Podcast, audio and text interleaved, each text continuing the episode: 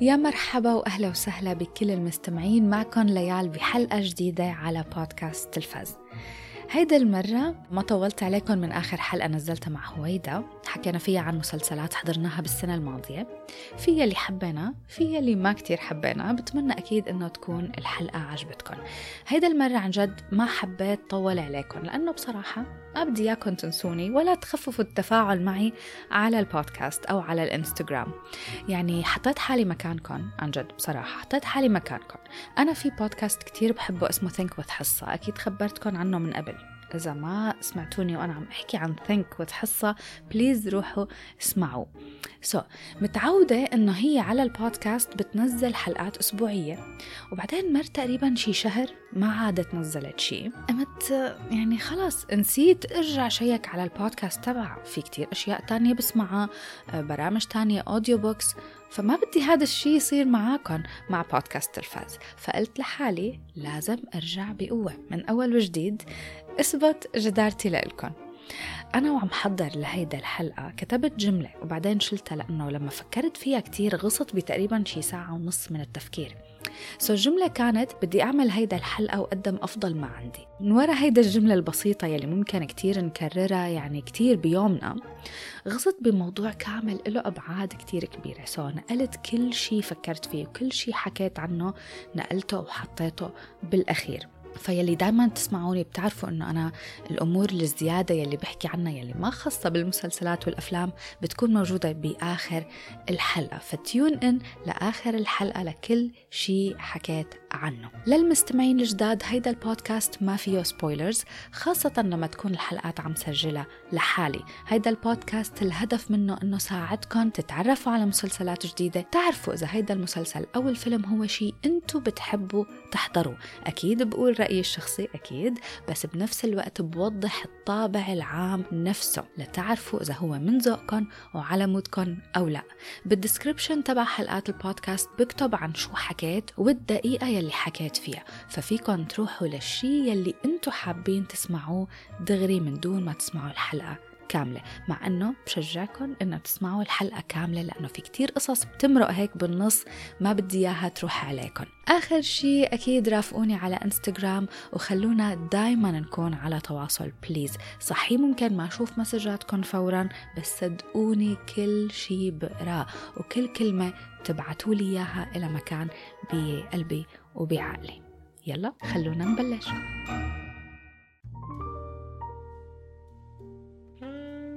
حلقة اليوم أغلب الأعمال يلي رح أحكي فيها موجودة على نتفليكس فلكل حدا قرر بهيدا السنة الجديدة. وهيدا ال New Year's resolution تبعكم إنه تلغوا اشتراك نتفليكس. آه بدي اعتذر منكم وقلكم إنه في كم شغلة رح أحكي عنها اليوم. رح قلكم please please please احضروها. رح ادفشكم إنه ترجعوا تجددوا اشتراككم لأنه لازم تحضروها عن جد. على القليلة جددوا الاشتراك هيك لشهر وبعدين ارجعوا الغوه لحتى يجي شيء تاني مهم ببقى بخبركم عنه. لكل يلي لسه مشتركين بنتفليكس تجاهلوا كل شيء قلته ويلا خلونا نبلش. رح بلش بالمسلسل يلي ما كتير حبيته Fool Me Once How can a dead man appear on a secret camera? What, my dead son whom we buried? Stop this. I think you should get help. I want answers. Fool Me Once مسلسل جريمة وغموض درامي هو بريطاني وللأسف منه من أفضل الأعمال البريطانية من هيدا النوع أنا بحس إنه أي شيء crime غموض دراما بريطاني بتكون نسبة نجاحه أعلى من غيره من الإنتاجات التانية. أما Fool Me Once مش من الأعمال اللي كتير قوية يعني لازم أقول عن جد لازم أكون صريحة. أنا ما حبيته. آه مع أنه كان المفروض يكون شوي ظابط أكتر لأنه مقتبس من كتاب للكاتب هارلان كوبن هلأ هارلان كوبن في عنده غير كتب انعملت لمسلسلات على نتفليكس مثل The Stranger وسيف وفي أشياء تانية بعتقد والاثنين هدول يعني فيني أقول إنهم أحلى وأزبط من هيدا بكتير. هلأ أنا ما عجبني بس ممكن إنتو يعجبكم سو so اسمعوني كتير منيح. القصة تبعه بترافق وحدة مات زوجها بحادث إطلاق نار وبعد ما بتدفنه بترجع بتشوفه على كاميرا مراقبة ببيتها. غموض وسسبنس بدنا نعرف شو عن جد صار. الفكرة حلوة وبتشد. وهي يعني هيدا الفكرة هي هذا تبع الغموض وشو صار هي يلي فعلا خلتني بدي أوصل للأخير لأعرف شو عن جد صار. طيب شو صار؟ باختصار إنه أنا وعم أحضر شفت ضعف بشكل كتير كبير من أول حلقة وحلقتين بس كنت مستعدة إني كمل. بس بعد الحلقة الثالثة والرابعة ما بعرف بلشت أحس إنه يعني مشاهد مركبة تركيب من دون أي نوع من التناسق بين الأوقات الزمنية ولا تناسق بالأيام ما بين إمتى هذا صار وكم يوم مر على هيدا القصة. وحاطين flashbacks مش دايما حسيتها كانت عم تفيد السرد تبع الأحداث. شخصيات ما بتنفهم وما تعلقت فيها وما حسيت إلا شيء ليكو. أنا لأني بحب هيدا النوع من الأعمال فممكن كون قاسية شوي بالنقد. بالإضافة إلى أنه توقعاتي كانت عالية لأنه بريطاني. بس مش يعني دائما دائما رح أقعد ولوم حالي وبرر موقفي. كل مرة بدي أقول فيها أنه هذا العمل مو منيح لازم أقعد برر ليش منه منيح؟ لأنه هذا المسلسل كعمل هيك متكامل كلياته. إذا بدي انتقده أو بدي قيمه كله فهو عن جد منه قوي منه قوي. هو من 8 حلقات كان في ملل بالنص ملل كبير يعني ما بعرف إذا في حدا منكم ما حس بالملل ما بعرف. يعني بقعد بفكر فيها إنه عن جد رح يكون في ملل. قديش بدهم يعدوا يتحشوا قصص ليعبوا وقت بثمان حلقات.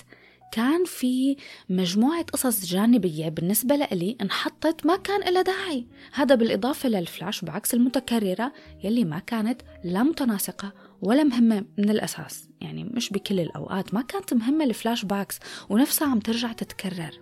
المهم في مسلسلات ما بينفع تكون 8 حلقات. ما بينفع. ما بينفع تكون حلقات من الآخر. في يعني وهذا واحد منهم كان بكل بساطة بيقدر يكون فيلم ويمكن كنت حبيته. هلأ المهم يلي لازم أقوله هون مشان المصداقية إنه النهاية والحل لكل هيدا الغموض والتشتت والتفكك بالأخير هيدا النهاية بترفع شوي من تقييمي للمسلسل وبيطلع في شوية تبرير لهذا التفكك وهيدا الخربطة. الحل لهذا اللغز اللي كنا عايشينه بثمان حلقات بيطلع نوعا ما بيستاهل. ما رح أقول واو ولازم تحضروا وكل شي شفتوه رح تحبوه بس إنه إذا الواحد ما عنده شي يحضره بتحبوا هذا النوع من الجريمة والغموض فيكن تشوفوا بتحضروا وإنتوا عرفانين إنه منه أقوى من غيره. مهم إنه الواحد يعني كمان ما يعطيه أكبر من حجمه. يعني أنا غلطت وكنت مفكرته رح يكون كتير فيه أشياء هيك بتشد وبتحمس وما رح أزهق وما صار هيك زهقت. بتمشوا بالحلقات يلي فيها إعادة وتكرار و flashbacks لتوصلوا بالأخير للجواب يلي بدكن إياه. مهم أقول إنه التمثيل منه wow والشخصيات مش مهمة بس هو أصلا ما بعتقد إنه بينحضر للشخصيات والتمثيل. يعني أنا كنت حابة إنه حس شي للشخصيات أو حس بالتوتر يلي هن عايشينه. ما حسيت. الشيء الوحيد يلي ضليت عم أحضر المسلسل مشانه هو شو؟ هو إنه يلا وصلوني للأخير لأعرف شو حل هيدا اللغز والغموض. بس. وهي يعني هيدا الفكرة. يلي بتلعب دايما دايما لصالح مسلسلات الغموض والجريمة ومين القاتل. الفكرة لحالها لو قد ما المسلسل كان كل شي فيه فاشل بضل هذا العامل تبع الغموض هو يلي معلق المشاهد. مثلي أنا ضليت معلقة مع أنه شايفة كل الأغلاط يلي فيه. يعني أنا هون بحس أنه المشاهد وأنتو يلي عم تسمعوني مهم تسألوا حالكم. قديش عنصر الغموض يلي بينكشف بآخر حلقة مهم عندكم وقديش ممكن يغنيكم عن العناصر التانية بالمسلسل. أنا ما بيغنيني يعني ضليت شايفة نقاط الضعف بس في عالم تانية ما بتشوف نقاط الضعف. خلص هي بالنسبة لها الغموض هو أهم عامل. بس إنه هاي مو معناتها أنا ما بحب الغموض بحب الغموض بس ما بيغنيني عن العناصر التانية مثل القصة والشخصيات والحبكة والسرد. بس في كتير مشاهدين تانيين ذوقهم غير. وعم بحكي هاي النقطة من تجربة. وحدة من رفقاتي اللي مش كتير أنا وياها منتشابه بالشخصيات ولا منتشابه بالآراء. هي يلي قالت لي إنه لازم أحضره وإنه النهاية تبعه كانت كتير مفاجئة وكتير حلوة. طبعا بحب بلغكم إنه ما عدنا رفقات. لا من دون كتير أسوأ. بس إنه أكيد المرة الجاية اللي هاي الرفيقة رح تقلي أحضر شي ما رح صدقه وما رح أحضره. سو هي حبته. وغيرها كمان أكيد ذوقهم بالمسلسلات رح يكون هيك. إنه أنا رح أعمل يلي علي وإلكن الطابع تبع العمل وشو الأذواق يلي ممكن يعجبها هيك شيء والباقي عليكم أنتو. اسألوا حالكم أي نوع من المشاهدين أنتو؟ شو بتحبوا؟ هل الغموض مهم إلكن أكثر من العناصر التانية؟ إذا إيه فهاد المسلسل أكيد رح يعلقكم للأخير. هون بدي أضيف شغلة إنه يمكن العاملين على هذا النوع من القصص والمسلسلات تبع الغموض والجريمة ومين القاتل وشو عن جد صار صاروا بيعتمدوا على هذا العنصر أكثر من أي شيء تاني وبينسوا العناصر التانية. ليه طيب؟ والله من زمان يعني وين أيامات برودشيرش ولوثر وأنفورغوتن يعني كان في مسلسلات كتير كل شيء فيها كان متوازن. كل شيء قصة وشخصيات وغموض وجريمة كلياته كان ينحبك مع بعضه بطريقة توصل للمشاهد عمل متكامل مثالي. المهم ما رح أرجع كتير للمسلسلات التانية هيك والنوستالجيا رح ضل بمشكلة هذا المسلسل Fool Me Once آخر ضعف بدي أحكي عنه مشان تنتبهوا منه كان في ضعف من ناحية إنه لأنه بدهم يشككونا بكل الشخصيات ويخلونا نضيع بين الشخص المنيح والشخص المش منيح. هيدا المحاولات ما كانت سلسة ما كانت معمولة بطريقة متقنة وما كانت كمان مقنعة يعني مش بكل الأوقات كانت مقنعة. مشان هيك يمكن أنا ما تعلقت بالشخصيات وحتى ما فهمتها ولا تعاطفت معها ولا حسيت فيها ولا شيء ما كان بهمني حدا لأنه كانت مقصودة. إنه هن بدهم يشتتوني. فحسيتها يعني كانت فورست وبالغصب. غصبا عنهم بدهم يكرهونا بكل الشخصيات. طب ما في داعي تشككونا بكل الشخصيات؟ ما في داعي. منه بشع بس كمان منه واو. بينحضر من دون كتير توقعات عالية. المهم فيه هو الغموض وكشف اللغز آخر شي. هو يلي بيرفع من مستوى التقييم تبع العمل. خلص بكفي هيك. يلا احكي لكم عن يلي بعده. رح يجيكم لمسلسل استمتعت فيه The Brothers Son.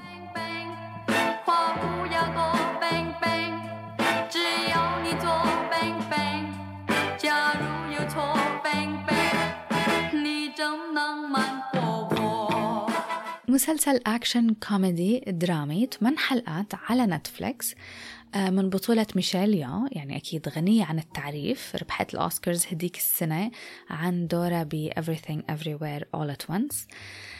آه، الشابين التانيين يلي موجودين بهيدا المسلسل ما بعرفهم جاستن شين وسام سونغ لي القصة بترافق شخصية الابن الكبير لعائلة مافيا من تايوان وهو عايش حياة كلها قتل وتقتيل مع أبوه بعيد عن أمه وأخوه الصغير يلي ما خصه بهيدا الحياة أبدا. آه، بيضطر فجأة الأخ الكبير إنه يرجع لينجمع مع أمه وأخوه لحتى يحميهم من عصابة عم تحاول تقتل العيلة. مهم هون نقول إنه القصة عن الأخين يلي كل واحد فيهم مختلف عن التاني 180 درجة. إذا في طريقة هذا المسلسل أوصف لكم إياه فيه هيك بكل بساطة ففيني أقول إنه هو مسلي وممتع. هيدا المسلسل بينحضر للكوميديا ولمشاهد الفنون القتالية. يعني عن جد التفنن بالمشاهد القتالية شيء كتير ممتع للنظر عن جد. ذكرني كتير بمسلسل Warrior يلي ما بيعرفوا Warrior حاكي عنه كتير من قبل. واحد من أحلى المسلسلات عندي بال 2022 موجود على OSN في منه موسمين هو ثلاث مواسم. بقلكن عن جد عطوه فرصة Warrior كتير حلو ما رح تندموا. So, The Brother's Son في مشاهد قتالية فيها تفنن تصورت بلقطة وحدة. الطريقة يعني يلي الكاميرا بتتحرك فيها جوات المشهد هو وعم يصير وبين يلي عم يتقاتلوا شي فيه فن ومتعة وتسلاية عن جد. هلأ ما تفكروا إنه أنا عم أقول تسلاية ومتعة معناتها المسلسل تافه أو سخيف أو ما فيه قصة وشخصيات وكل هيدا القصص يلي أنا بحبها؟ لا أبدا. لأنه يعني حتى مع الطابع الكوميدي وخفة الدم يلي طاغية على الأجواء آه، وخاصة موجودة بالعلاقات بين أفراد العيلة الأم وأولادها والإخوات بين بعض. هيدا الاختلاف بطريقة الترباية وطريقة التفكير لكل واحد. لسه مع هاي الكوميديا كانت القصة والأحداث والشخصيات معلقيني لأنه الكوميديا وخفة الدم ممزوجة بالشكل الصح. يعني هذا اللي أنا بحبه أنه الكوميديا تضل ممزوجة بالشكل الصح مع الحدث والشخصيات. في كمية مناسبة ما بين خفة الدم والكوميديا وما بين الأحداث المهمة يلي عم تصير. يعني الكوميديا ما أخذت أو سخفت من الأحداث. الحلو كمان وهيدا نقطة يعني كتير مهمة فيه للمسلسل إنه كل الوقت في شي عم يصير كل الوقت. القصة عم تمشي بسرعة والشخصيات عم تتطور مع الأحداث. وفي شوية مفاجآت بتنكشف مع تقدم الحلقات. ما فيه ملل أبدا بصراحة يعني ما حسيت ولا للحظة إني مليت. لأنه في كتير عناصر عم ينلعب عليها وهي هاي الفكرة يعني هذا الشيء اللي بيخليه يكون قوي. إنه إذا ما في أكشن في كوميدي إذا ما في كوميدي في علاقات عائلية. إذا ما في هاد ففي القصة العامة تبع العصابات. فبحس صعب كتير إنه لما مسلسل يكون فيه كل هالقد عناصر مثل هيك صعب يوقع بفخ الملل والمطمطة. ما رح تزبط لأنه في كتير أشياء. غير كتير عن مسلسلات تانية يلي بيكون فيها بس genre وحدة أو عنصر واحد بس مركزين عليه بس مثل Fool Me Once كانوا عم يلعبوا على شيء واحد وهو الغموض بس ففات بمتاهة الملل غصبا عنه يعني مو بإرادته. أما The Brothers Son ما كان ممل أبدا. شغلة تانية التمثيل حلو من الكل. يعني أنا ما كنت متوقع أنه يكون فيه تمثيل حلو بس عن جد التمثيل كان حلو. كل واحد قدم شخصيته بطريقته. حبيتهم كلياتهم من الأم للشابين للشخصيات الفرعية حتى كانوا كتير مسليين. كلياتهم كنت حب لما أشوفهم واستنى لحتى يطلعوا على ال screen. هلأ مهم إني قلكم أكيد انه المسلسل ما بيحاول يكون شيء كتير كبير. okay إنه أنا حبيته واستمتعت فيه وقصته حلوة وشخصياته حلوة بس هو منه شيء إنه wow ضخم وهيك. لا إنه ما ما بدهم أصلا هن ما عم يحاولوا يعطونا يعني هيك نخبة الفن وأرقى ما يمكن من الأعمال التلفزيونية. لا The Brothers Sun منه هيك. ما حاول يكون أكبر من حجمه. أعطاني شعور entertainment تسلاية ومتعة وتعلق بالأحداث. خلص. بينحضر من دون تقل أو تفكير زيادة. بينحضر للخفة والأكشن والقصة يلي بتجمع هالشخصيات مع بعض. يلا للي بعده. هلأ بدي إجي للمسلسل يلي رح قلكم إنه بتمنى انكم تحضروا please احضروا. Blue Eye Samurai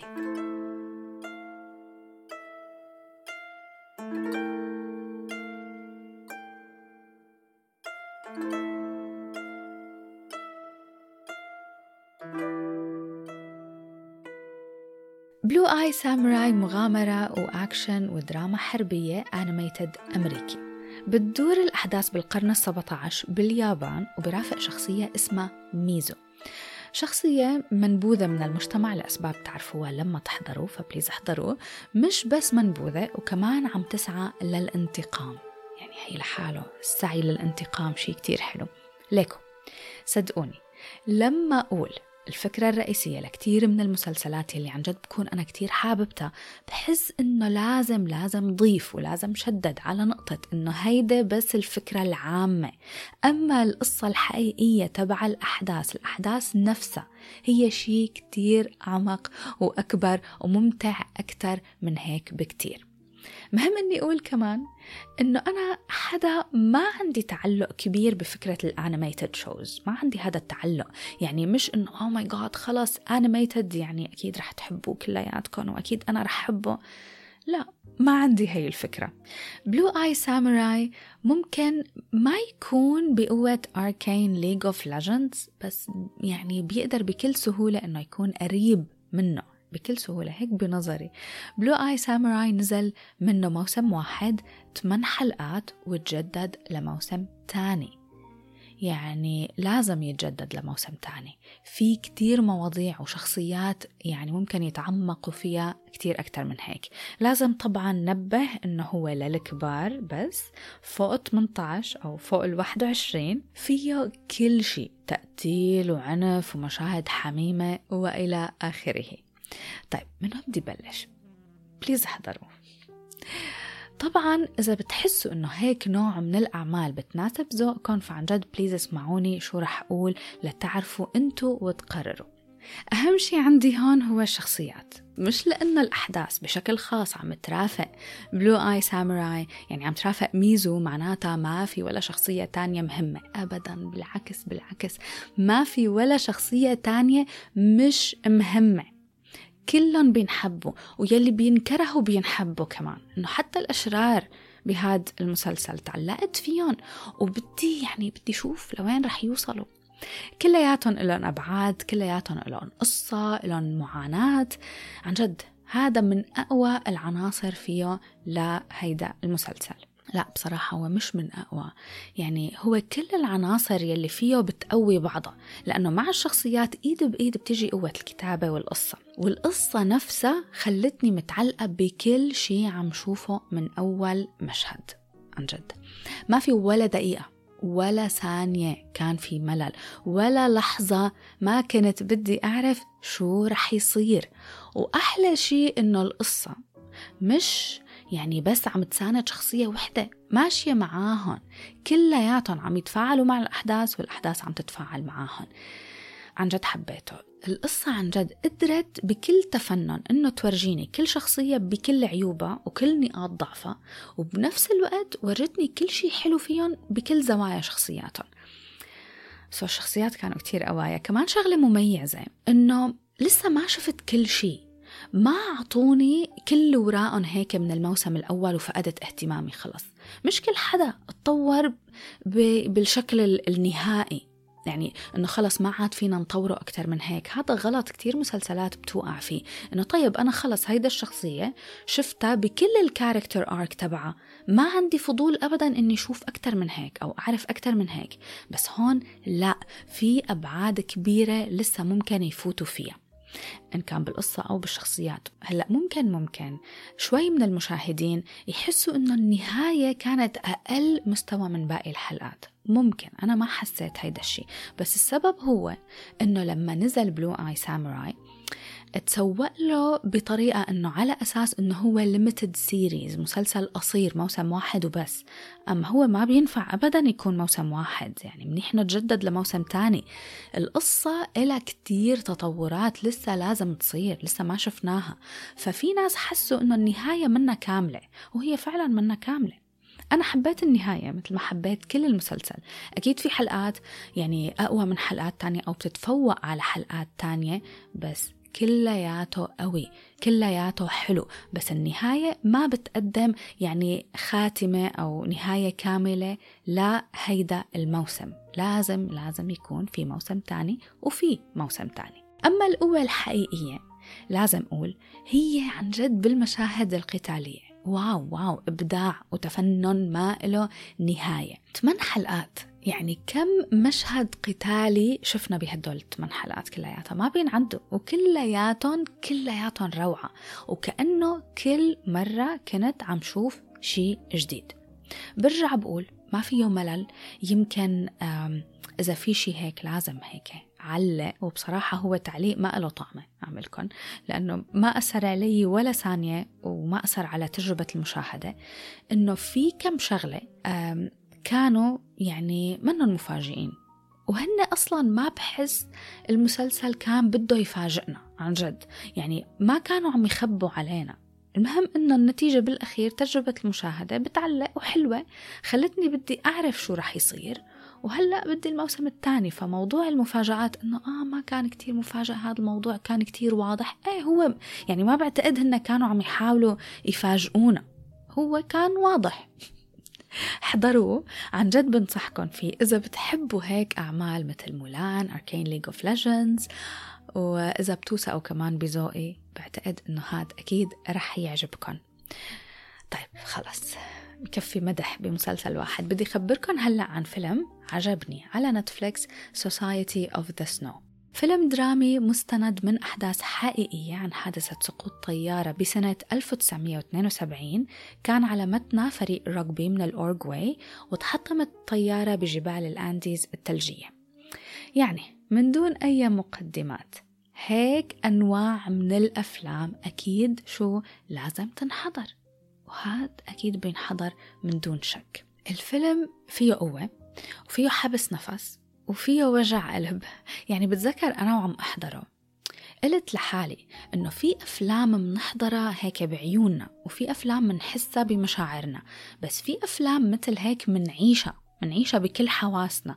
وهذا الفيلم عن جد هيك بينعاش. هلأ مش معناتها إنه أنا عم أقول إنه هو بينعاش وبكل الحواس وكل هيدا الأشياء فمعناتها ما فيه جوانب شوي شوي جوانب ضعيفة. وهلأ بعد شوي رح أحكي عنها. في بس هيدا الجوانب يلي أنا حسيتها كانت ضعيفة ابدا ما خربت علي ابدا. عم قلكن عشت الفيلم بس كان في جوانب شوي كان ممكن يتعدل عليها بس ما رح أنتقدها بشكل كبير رح خبركم إياها بس مشان تكونوا بالصورة. يعني كنت عايشة بقلب الحدث كنت حاسة حالي عن جد جوات المصيبة وجوات التلج وجوات المعاناة. Society of the Snow التصوير واو.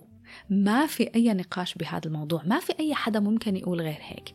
مشهد الكراش تبع تحطم الطيارة رهيب مؤذي فيه يعني تفنن وفيه إبداع كتير brutal طبعا الفيلم أكيد لفوق ال 18 منه لأصحاب القلوب الضعيفة أكيد لا يعني please ماما ما تحضريه أبدا. اسمعيني من هلأ please ما تحضري.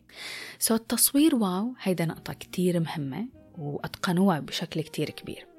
عنصر القوة الثاني هو فكرة إنه هيدا الشيء صار على الحقيقة وأنا ما كنت بعرف أي شيء عن القصة عن تفاصيل القصة الحقيقية فما عندي فكرة أبدا كيف وإمتى وقديش ولا شيء يعني ما عندي أي فكرة على الإطلاق وهذا لحاله زاد عندي تعلقي بالأحداث لأنه ما بعرف كيف ممكن تنتهي.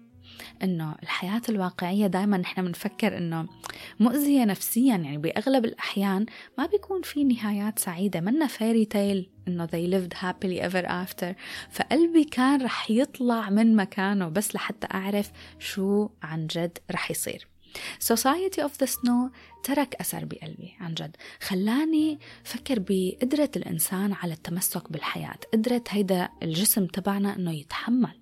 قدرة الشخص النفسية والعقلية. إنه أنا قعدت فكرت هيك عن جد تخيلت إنه كيف ممكن كون محبوسة جوات طيارة مدري لكم يوم مع مدري كم حدا لا أقدر أتحرك ولا أفرد رجلي ولا آكل ولا أي شيء.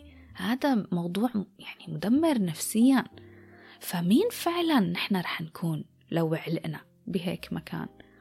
كيف كل واحد فينا ممكن يكون بهيك ظرف عن جد يعني هذا سؤال واحد بيقعد بفكره إنه أنا كيف رح أتصرف؟ مبدئيا بحس أصلا إنه لو صارت هيدا الحادثة مع جيل من هلأ يعني معانا نحن ما حدا رح يعيش ما عنا أي نوع من أنواع ال skills والقدرات يلي ممكن نستخدمها بالحياة هي الحياة ال wild الحياة البرية إنه نقدر تخلينا على قيد الحياة. لا بنعرف نعمل نار ولا بنعرف نشبك أسلاك راديو ولا شيء. يعني حتى القدرة البدنية تبعنا صفر. هدول كانوا لاعبين رقبي يعني في لياقة في قوة في قدرة تحمل. ما كانوا يقعدوا نتفليكس أند تشيل كل الوقت مثلنا. المهم من بعد ما خلصت الفيلم وحسيت إني شفت شي قوي وشي بينعاش وشي بينحس ضل في جواتي مكان هيك كتير صغير مش مقتنع تماما إنه هيك مش مقتنع تماما إنه أعطيه عشرة من عشرة أو أعطيه تسعة من عشرة. حسيت إنه بعطيه ثمانية من عشرة أو ثمانية ونص من عشرة. فقعدت مع حالي وسألت حالي إنه كان في شيء ناقص؟ كان يعني كان في شيء ببعض الأحيان فيه للفيلم؟ هيك أحس إنه في شيء ناقص. فشو طلع ناقص؟ رح لكم. يعني اللي طلع ناقص هو تعلقي بالشخصيات. أو مثل ما قبل شوي قلت أنا عندي الشخصيات هن من أهم العوامل يلي بتلعب دور بالأعمال إن كانت أفلام أو مسلسلات عندي أنا. المخرج هون J.A. Bayona حاول يعمل شغلة. هلأ في كذا شغلة انعملوا. وحدة منهم معلش رح أتفلسف شوي إنه لأنه القصة حقيقية يعني صارت على الواقع ففي احتمالية إنه الناس من الأساس بتعرف شو صار. وكمان فوق إنه مقتبس من أحداث حقيقية already انعمل منه فيلم من قبل عن هيدا الحادثة نفسها كان اسمه Alive so, لما اجى هذا المخرج بده يعمل فيلم جديد عن قصة من الأساس معروفة ومحكي عنها بعتقد هذا اعتقادي الشخصي يعني أنا عم فكر عنه للمخرج إنه فكر أو حس حس إنه لازم يضيف عنصر جديد للأحداث لحتى يعلق المشاهد.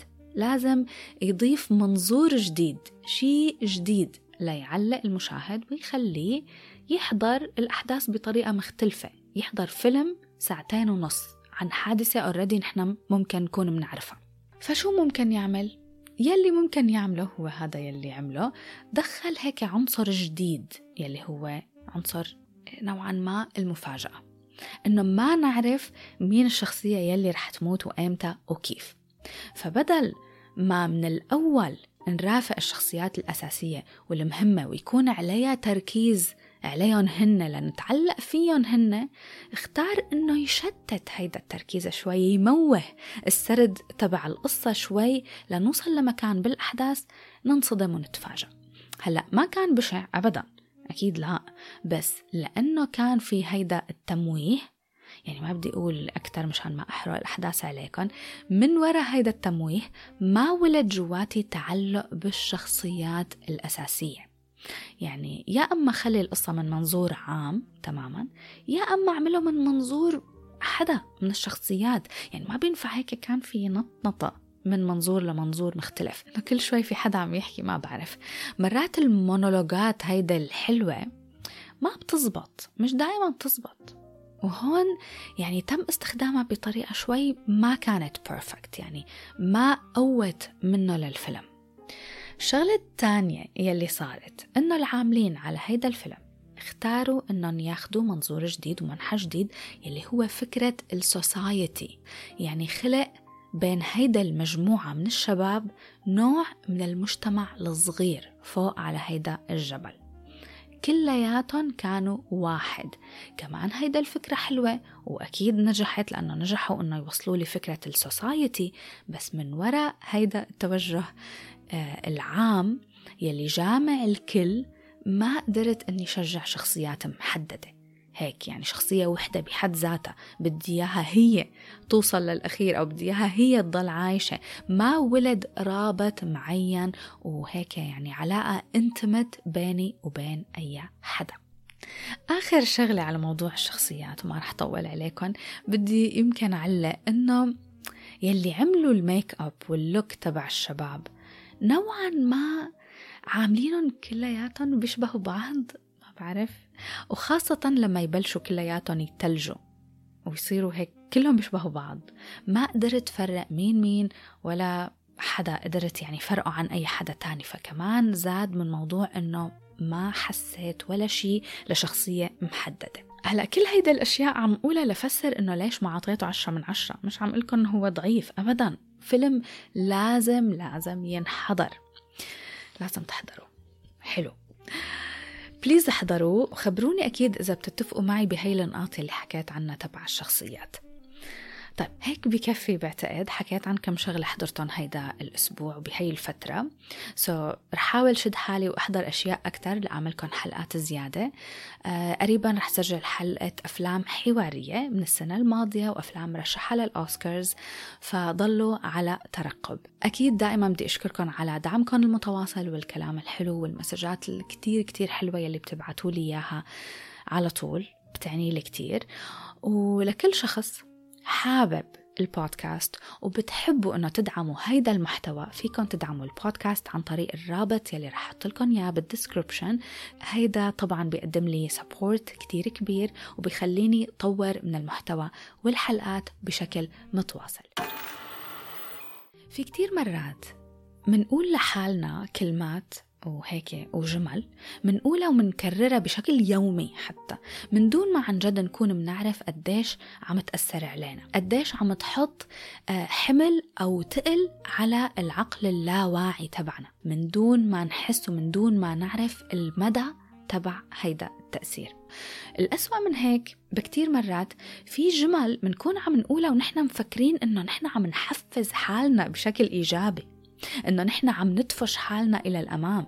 بس بالعكس كتير مرات ممكن يكون المفعول تبعها مش لصالحنا.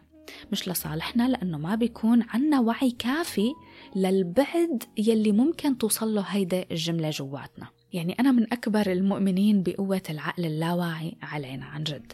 المهم بدي إجيكم للفكرة يلي بدي أحكي لكم عنها. شخصيا في فترات بحياتي بحس إنه ما عم أقدر أوصل لهدف معين حاططه قدامي أو ما عم أقدر أنجز مهمة بدي أنجزها. وهذا طبعا مش أنا لحالي عم مر فيه أكيد في ناس كتير بتمر بهيدا المعاناة. وبدي لكم إنه هذا موضوع طبيعي.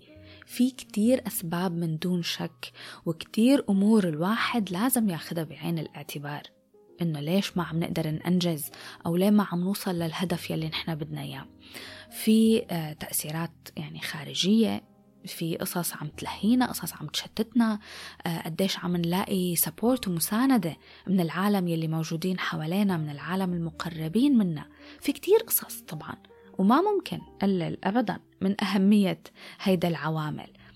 بس أنا حدا دائما بحب أنظر هيك لجواتي وفكر بنفسيتي وأعرف شو عن جد عم يصير جوا عقلي. ليش ما عم أقدر أعمل شي؟ ليش أنا علقانة هون؟ شو هي هالعراقيل يلي عم حطها لحالي بعقلي وبتفكيري؟ إن كان تفكير أنا واعية عليه أو تفكير مني واعية عليه. وبأغلب الأوقات بتطلع أفكار عن جد يعني بكتشف إن أفكار أنا مني واعية عليها أبدا. okay فهون. لناخد مثلا البودكاست على سبيل المثال. كل ما أجي بدي حضر لحلقة جديدة بحس إني يعني تعبت. قبل ما بلش تعبت. كل ما حاول أعصر مخي لحتى أطلع بفكرة جديدة بحس إنه مخي ما عم يقدم لي شيء خلص. كل شيء creative وكل شيء إبداعي توقف. ما بده يشتغل. هلا هذا المثال عن البودكاست بس بصير معي بكتير أمور تانية. مهم هون بحالة البودكاست. دائما بسأل حالي إنه okay ليال شو عم يصير؟ في شيء أكيد عم يصير داخليا وضمنيا مش ظابط. فيني يعني أقعد لوم الظروف والوقت وكل هيدا القصص بس كل هالقصص مش بإيدي. أنا ما رح أقدر روح غيرها أو أتحكم فيها مثل أنه أنا مثلا باليوم بعلق ساعتين ونص بالعجقة. طب ما في شيء ممكن أعمله هلأ؟ رح يغير هذا الموضوع. مستحيل إلا أنه رح أقعد نق يعني ومستحيل يكون هدفي هو النق لأنه ما في فايدة طيب ونقيت وبكيت وتضايقت وبعدين هل رح أنجز؟ لا هل رح تطلع حلقة بودكاست من ورا النق؟ أكيد لا أو رح أعرف أحكي فرنسي من ورا النق؟ أكيد لا فلما لقيت حالي فايتة بهيدا الحالة من عدم الإنجاز ولقيت إنه يعني صرت جاهزة إني أسأل حالي شو هي المشكلة الحقيقية؟ لازم عن جد يعني هيدا فكرة كتير مهمة إنه لازم أكون جاهزة أسأل حالي لأنه كتير مرات ما بكون جاهزة. فإذا أنا مش جاهزة إني أتحمل مسؤولية البئس يلي عايشته وأسأل حالي من وين هيدا البئس والغم جاية معناتها الأفضل إني أروح أخذ ناب قيلولة أخذ فيتامينات الهدوء والسعادة مغنيسيوم وزنك وآكل دارك شوكليت وأستنى لحتى أكون صرت بالوقت الصح لأسأل حالي ولصارح حالي شو هيدا المشكلة الجوانية. So. المهم أدركت إنه ما عم أقدر أنجز أدركت إني لازم أسأل حالي شو عم يصير جوات مخي فدغري هون ببلش وهذا الشيء أنا بعمله. بسلط الضوء على كل فكرة تمرق على مخي. عملية منا هيك بكل بساطة يعني بدها كتير تدريب. على قد ما بقدر طبعا بسلط عليها الضوء وبفكر فيها لأنه عقل الإنسان يعني بشكل افريج بيمرق عليه ستين ألف فكرة باليوم. فأكيد ما رح أقعد أحسبهم كلياتهم. لا أكيد لا. فشو بعمل؟ كيف بقدر حدد شو هي الأفكار يلي بدي أقعد ركز عليها؟ أول ما أجي بدي أقعد جهز للبودكاست هون ببلش أدرس أفكاري بشكل واعي وعن قصد. على فكرة عن جد يعني جربوا هيدا الطريقة مثلا على سبيل المثال. في علاقة تعبتكم لما تيجوا تفكروا بهيدا العلاقة حاولوا تدرسوا أفكاركم لما تفكروا فيها. أكيد 90% رح تلاقوا إنه في فكرة أنتوا عم تفكروها جوات مخكم هيدا الفكرة هي يلي بتكون متعبتكم وبيكون بدها شوية تعديل. بدي أعطيكم هيك تip صغيرة لحتى تقدروا تعرفوا أي فكرة عن جد هي الفكرة يلي لازم تتفحصوها وهي الفكرة يلي ممكن تكون تعبتكم لما فجأة تحسوا إنه مودكم انضرب وبلشت الطاقة تبعيتكم تنزل مستوى الرياحة النفسية تبعكم عم يحبط هون دغري وقفوا وانتبهوا شو كانت الفكرة. يلي مرت على راسكم بهذا الوقت يلي معاها إجا هيدا الشعور. أنا هيك بعمل. لما كون عم فكر لما أحس إنه فجأة مشاعري بلشت تنزل أو تميل للجانب السلبي دغري بقول إنه في فكرة أنا فكرت فيها. هي سببت هيدا الشعور. عن جد مشاعرنا هي الدليل أو هي المؤشر يلي بيساعدنا نعرف شو الفكرة يلي بدها تعديل. انتبهوا دايما لمشاعركم عن جد نصيحة. المهم فقعدت بيني وبين حالي وبلشت أدرس الأفكار يلي عم تطلع بمخي لما أجي بدي حضر للبودكاست. ففجأة طلعت جملة. هي جملة بدي أعمل هالحلقة وبدي أقدم أفضل ما عندي. إنه خلص ليال لازم تقدمي أحسن شي عندك يا مثل السحر عن جد. لأني مركزة مع مشاعري ومركزة مع أفكاري. دغري أول ما قلت جملة بدي أقدم أحسن ما عندي حسيت درجة التركيز والإبداع نزلوا للصفر. حسيت مثل في غيمة سودا فاتت على مخي. حسيت إنه خلص بدي أروح نام ما عاد بدي أشتغل. فهون دغري سألت حالي ورجعت للفكرة مرة تانية للجملة يلي قلتها رجعت لها مرة تانية لأتأكد إنه فعلا هي هيدا الجملة يلي فيها شي منه ظابط سألت حالي إنه شو فيها هيدا الجملة؟ عناصر مخفية أنا مني منتبهت لها ومني واعيت لها عم تأثر علي. ليش هيك جملة؟ يلي المفروض إنه أنا عم أستخدمها كمحفز أنا عم أستخدمها على أساس إنه هي رح تدفعني للأمام. ليش عملت لي هيدا البلوك؟ أكيد وصلت لنتيجة يعني أكيد لو مني واصلة لنتيجة ما رح بلش كل هذا الحكي. لشو وصلت؟ رح خبركم وبتمنى عن جد إنه في منكم يستفيد وتحسوا إنه هيدا الحكي يعني بفيدكم لأنه هو يعني طالع من كل قلبي. فبتمنى إنه يوصلكم بطريقة تستفيدوا منها. جملة أفضل ما عندي. جملة قدم أحسن ما عندي. بيجي معاها كتير حمل وكتير عبء ومسؤولية. وهي المسؤولية إلى وقع كتير كبير علينا يمكن نحن ما ننتبه له عن جد. في نقطتين هون مهمين بدي أحكي عنهم عن هيدا الجملة. أول شي إنه لما نيجي نقول أحسن ما عندي فنحن من دون ما نحس لا شعوريا عم نستحضر لا خلينا نشيل نستحضر هيك مثل نستحضر أرواح. من دون ما نحس نحن عم نجيب الماضي. تبعنا القديم هيك كلياته عم نجيب كل تجاربنا السابقة كل خبراتنا كل إنجازاتنا القديمة عم نجيبها ونحطها على كتافنا. طيب وين المشكلة بهذا الحكي؟ في مشكلة كتير كبيرة. طيب إذا أنا شخص عندي إنجازات قديمة جيدة وناجحة ومتفوقة فأنا من دون ما أحس ولا شعوريا عم أتوقع من حالي بهيدا اللحظة هلأ هلأ. هاي اللحظة يلي ممكن ما تكون لحظة مثالية عم أتوقع من حالي إني أرتقي وأرتفع لنفس درجة التفوق. ومش بس لنفس درجة التفوق لا. إذا أنا عندي إنجازات وتفوق من قبل فأنا ممكن أكون عم أتوقع من حالي إني أتفوق على حالي أكثر من قبل. لأنه بدي أكون أحسن وبدي أكون أفضل. بس طيب ما ممكن يعني أنا بهيدا اللحظة عندي كتير عوامل أخرى مش مناسبة لحتى أتفوق وأرتفع وكون أحسن. ممكن الإنسان مش كل يوم بأحسن حالاته.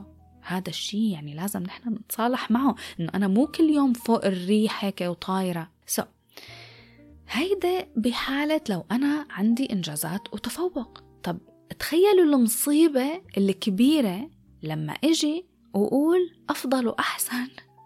وأنا ما عندي أفضل وأحسن ما عندي إنجازات وما عندي تفوقات قديمة.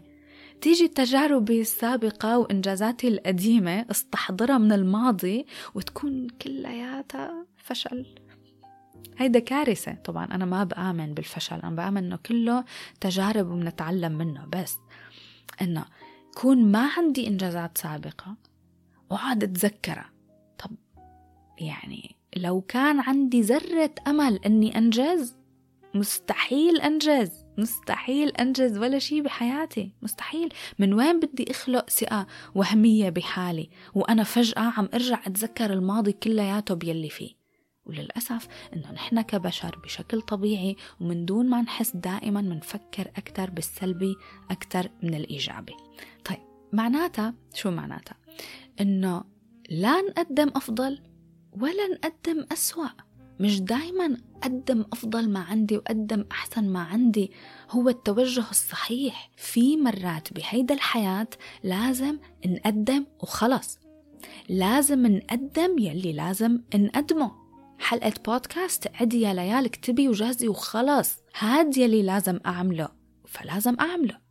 بدي انتبه على صحتي لأنه عندي كوليسترول لازم أعمل أحسن ما عندي؟ لا لأنه أحسن ما عندي هو يلي جاب لي الكوليسترول من الأساس. فلازم أعمل اللازم رياضة نظام غذائي حركة حب للذات وإلى آخره. انسى القديم والزمان يلي راح وكل شيء قديم ما له يعني فايدة بهيدا اللحظة. هلأ لازم أعمل يلي هلأ لازم أعمله وخلص. من دون ما حمل حالي أعباء ومسؤولية الماضي وكلمة أفضل ما عندي. النقطة الثانية اللي بدي أحكي فيها عن جملة قدم أحسن ما عندي هاي فكرة كتير كبيرة يعني بحر من الأفكار رح بس اتطرق لجزء كتير صغير منه هو إنه أنا لما إجي أقول أحسن ما عندي وجبت إنجازاتي القديمة وكل هيدا القصص اللي حكيت عنها فأنا لا شعوريا حديت من حالي. حديت من قدراتي. حددته بمعيار محدد يعني حطيت له سقف للتوقعات. القدرات البشرية على فكرة شيء كتير أكبر من ما نحن بنتخيل. يعني نحن المخ يلي الله نعم علينا فيه والجسم يلي عطانا إياه بيقدر يكون كتير أكبر وأهم من نحن شو منتخيل. ما فينا أصلا نتخيل شو ممكن نعمل لو ما منحد حالنا. ولو ما منقارن. فأنا لما إجي أقول أحسن وقارن بالقديم دغري حطيت سقف ومستوى لهذا الإنجاز الحالي والنجاح الحالي اللي بدي أقدمه حديته بالإنجاز القديم. يعني إذا أنا حدا ما بيقدر يركض إلا دقيقة مثلا بالرياضة عم أعمل الرياضة أنا ما بقدر أركض إلا لدقيقة. بحياتي من قبل حاولت أركض واكتشفت إنه أكثر من دقيقة أنا بموت. ف اجيت قلت اليوم رح اركض ورح أقدم أحسن ما عندي. طب ما ساعتها بمجرد ما أعمل دقيقة وثانيتين فأنا خلص خلص أنا براسي قدمت أحسن ما عندي. مع إنه ممكن لو بس حطيت جواتي إنه أنا رح أركض لحتى ينقطع نفسي ممكن بوقتها أركض كتير أكتر من هيك لوقت أطول. فهي هاي الفكرة إنه لما نقول بدي أعمل أحسن ما عندي وهيك وجيب كل شيء قديم فأنا عم حط سقف لهيدا التوقعات وللقدرات الإنسانية يلي ممكن أنا أكون كتير أكبر منها. أفكارنا كتير قوية وإلها سلطة كتير كبيرة علينا وعلى طريقة حياتنا. مهم إنه من يوم للتاني لما نلاقي حالنا عم نواجه موقف صعب شعور متعب أزمة وجدانية أزمة نفسية مهم كتير إنه ما نتجاهل قوة العقل علينا وقوة الأفكار يلي منقولها لحالنا. شكر كتير كبير لكل حدا رافقني بهيدا الحلقة. بتمنى إنه تكون عجبتكم وأكيد رافقوني على انستغرام بودكاست underscore تلفاز. شكرا مرة تانية بشوفكم بحلقة جديدة مسلسلات جديدة أفلام جديدة وأفكار جديدة. bye bye.